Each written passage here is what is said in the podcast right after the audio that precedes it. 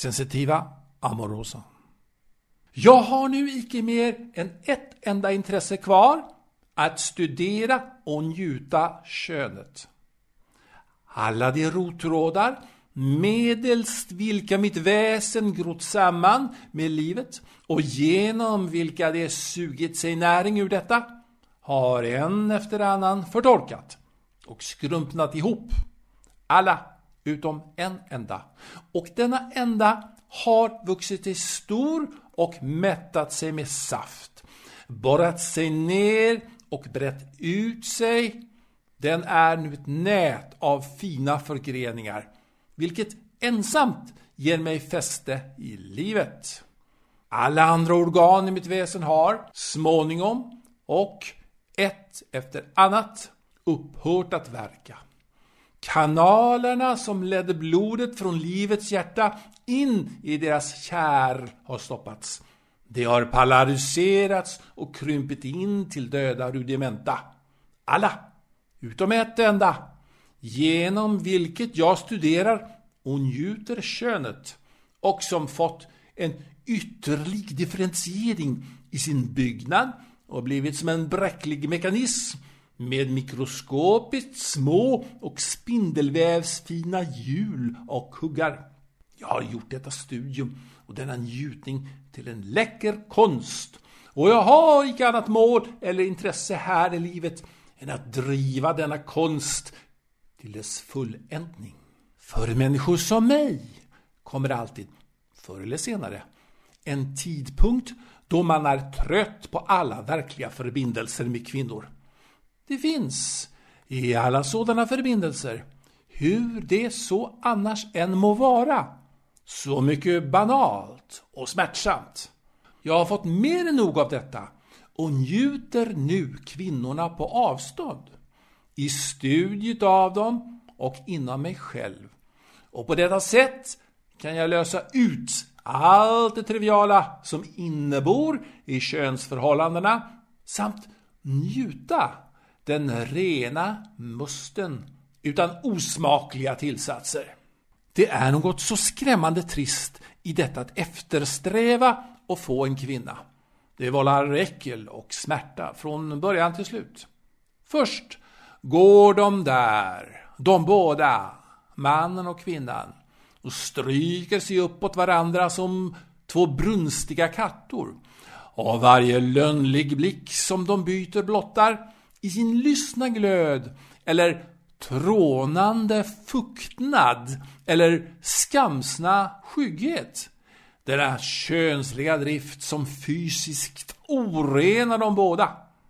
Jag har alltid känt vämjelse vid åsynen av denna snuskiga och löjliga kurtis och till vilken hela världen småmyser menande och kyniskt och vilken ständigt påminner mig om den sprättiga tuppens sirliga kärlekslater inför den sippa hönan. Och när så den storartade lycka och den sällhetsråga som är den erbarmliga parningsakten vunnits, så är historien ute. Och så är där just icke så synligen mycket mer att få. Ty i 99 fall av 100 finner man sig, förr eller senare, ansikte mot ansikte gentemot en en varelse som man aldrig sett förut. Och långt mindre knutit bekantskap med eller eh, längtat efter att ha för sig själv. Och man vaknar en vacker dag i en säng med en främmande kvinna vid sin sida. Och man kan icke känna igen ett enda drag i hennes ansikte eller hennes själ. Är hon din älskarinna utan vår Herres speciella medgivande väntar dig hela det pinsamma obehaget av en brytning. Och har du gett dig in i en av samhället kontrollerad förbindelse får du hela livet igenom leva intimt samman med denna okända varelse. Som du aldrig önskat ha, men som nu hänger fast vid dig som en kardborre. Du kan ha studerat en kvinna hur grundligt som helst och du kan tro dig känna henne utan och innan. Du är ändå aldrig riktigt trygg för att hon icke en dag byter skinn som ålen och plötsligt står inför dig så olik den som du fordom kände och älskade som svart är olikt vitt. Ser du, människan är icke någonting fast och oföränderligt som man griper tag i och säger att det är så eller så.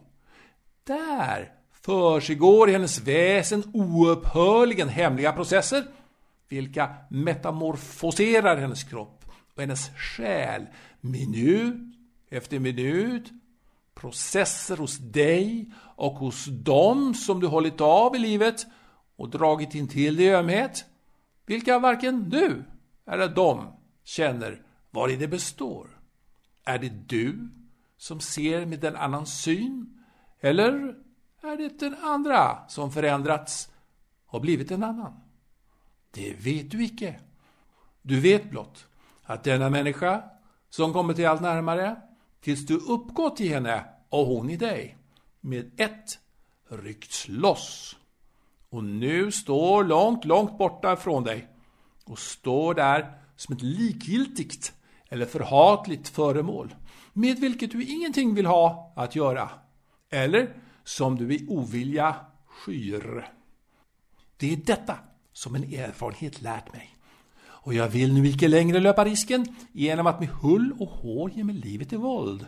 Ty, då vållar kvinnorna oss mer ont än gott. Men, som för mig, könet är allt.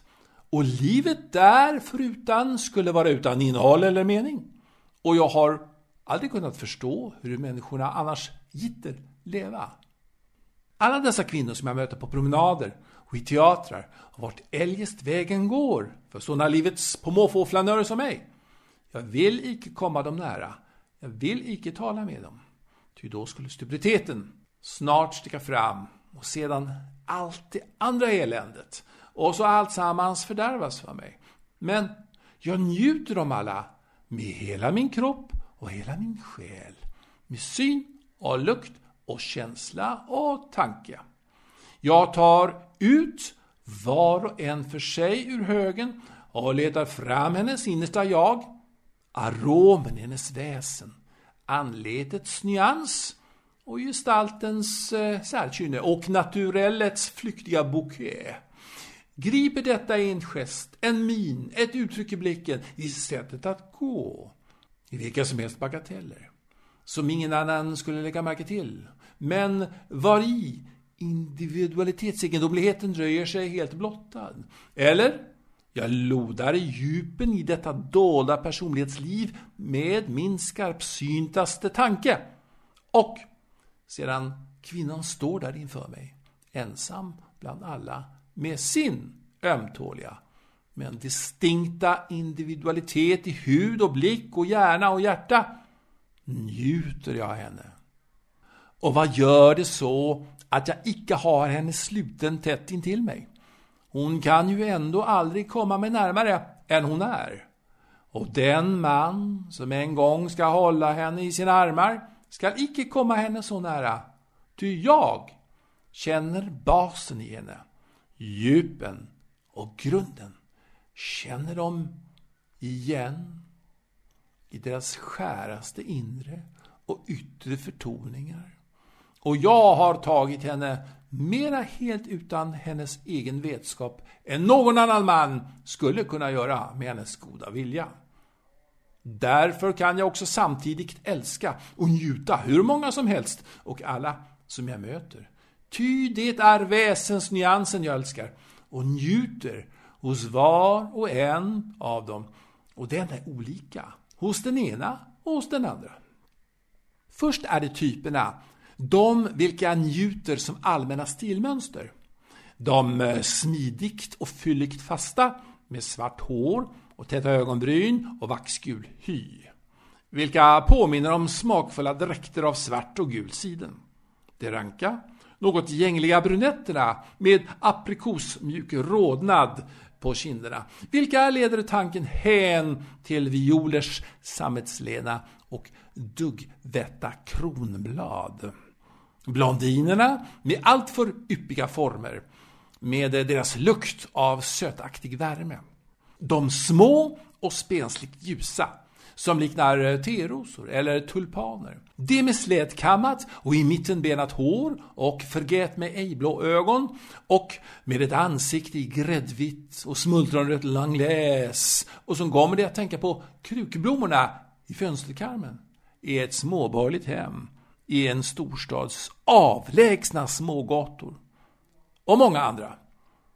Och sedan, och det är de som jag älskar och njuter mest och finast, kommer alla de motaliga schatteringarna, det som icke kan inrangeras under någon som helst grupp, utan som lever var sitt underliga självständiga personlighetsliv för sig själva.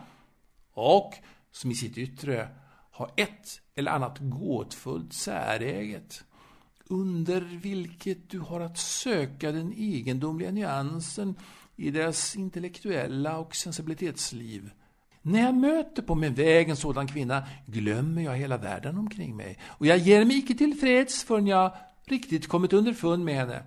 Jag lägger henne på distinktionsbordet framför mig och jag gräver i henne med min letande tanke och jag sammansmälter med henne med min intimaste känsla. Jag skärgårdar var partikel hos henne under min analys och jag ser hennes väsenscentrum med min intuition. Och så äger jag henne slutligen hel och hållen så som hon utgått ur naturens stora hemlighetsfulla verkstad med hennes komplicerade och enhetliga personlighet. Tydligt är framförallt de karaktäristiska bagatellerna hos människan som mystiskt lockar mig. De som andra avfärdar som fula kan för mig vara de mest intressanta. Och eh, de som gäller för skönheter kan för mig vara uttryckslösa, som en oskriven griffeltavla. Ser du? Där växer i det moderna samhällets överkultiverade jordmån en undlig och sällsam ört som heter sensitiva amorosa. Dess kronblads ådror är fyllda av morbida oljor. Dess doft har en sjuklig sötma. Dess kolorit är dämpad, som dagen i ett sjukrum med nedrullade gardiner och skär som en döende aftonrodnad. Om du letar i ditt eget och dina vänners liv ska du finna många skiftande varieteter av den. Och vore jag som du skulle jag plocka några sådana och sälja dem på torget.